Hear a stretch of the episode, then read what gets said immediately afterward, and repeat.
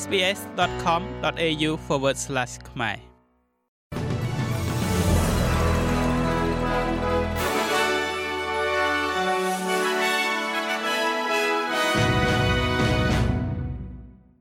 សូមស្វាគមន៍មកកាន់នេតិព័ត៌មានខ្លីៗរបស់ SBS ខ្មែរសម្រាប់ថ្ងៃប្រហ័សទី15ខែកុម្ភៈឆ្នាំ2024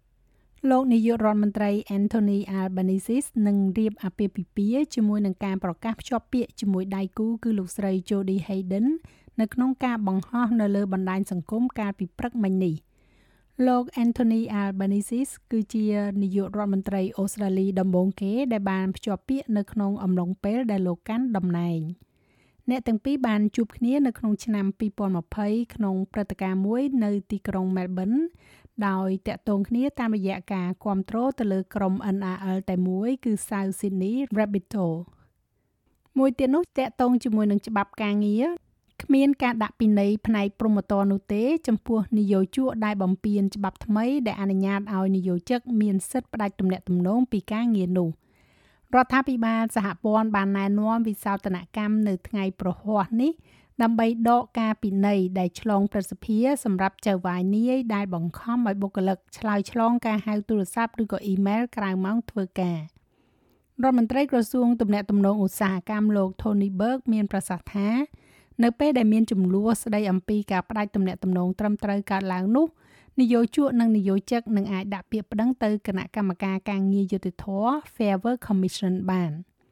លោកបានប្រាប់សភាថាវាមិនគួរជារឿងចម្រូងចម្រាសសម្រាប់អ្នកដែលទទួលបាននៅប្រាក់ឈ្នួលសម្រាប់ធ្វើការងារបន្ថែមម៉ោងនោះទេ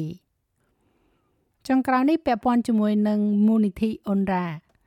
ដ្ឋាភិបាលលោក Albanese និយាយថាខ្លួនចង់ស្ដារជំនួយដល់ទីភ្នាក់ងារសង្គ្រោះប៉ាឡេស្ទីនរបស់អង្គការសហប្រជាជាតិ ឲ្យបានឆាប់តាមដែលអាចធ្វើទៅបានរដ្ឋមន្ត្រីការបរទេសលោកស្រី Penny Wong បានប្រាប់គណៈកម្មាធិការព្រឹទ្ធសភាថាអ៊ុនរ៉ាគឺជាចំណុចសំខាន់សម្រាប់ជំនួយនៅក្នុងតំបន់ហ្គាហ្សាប៉ុន្តែការចោទប្រកាន់ប្រឆាំងនឹងវាមានលក្ខណៈធ្ងន់ធ្ងរនិងមិនអាចថាមិនអើពើបានទេ។លោកស្រីវងក៏បានរំលឹកឡើងវិញនៅកង្វល់របស់រដ្ឋាភិបាលអំពីការវាយលុកលើដីរបស់អ៊ីស្រាអែល ដែលបានគ្រងទុកមកលើទីក្រុងរ៉ាហ្វាភាគខាងត្បូងដោយអំពាវនាវឲ្យអ៊ីស្រាអែលស្ដាប់ពិភពលោកបន្ទាប់ពីការថ្កោលទោសយ៉ាងទូលំទូលាយពីអន្តរជាតិលោកស្រីនិយាយថាជាមួយនឹងប្រជាជនប៉ាឡេស្ទីនចំនួន1លាន7សែននាក់ទៀតដែលកំពុងតែស្នាក់នៅក្នុងជំរំរបស់អ៊ុនរ៉ា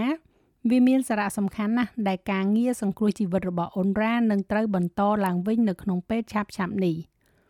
ប្រទេសជាច្រើនរួមទាំងសហរដ្ឋអាមេរិកចក្រភពអង់គ្លេសនិងអូស្ត្រាលីបានផ្អាកការផ្តល់មូលនិធិដល់អ៊ុនរ៉ាបន្ទាប់ពីអ៊ីស្រាអែលបានចោទប្រកាន់សមាជិក12នាក់នៃបុគ្គលិក13000នាក់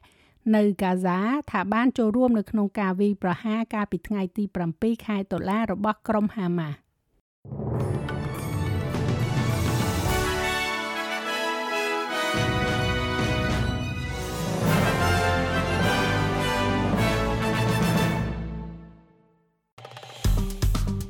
ចុច like share comment និង follow SPS ខ្មែរនៅលើ Facebook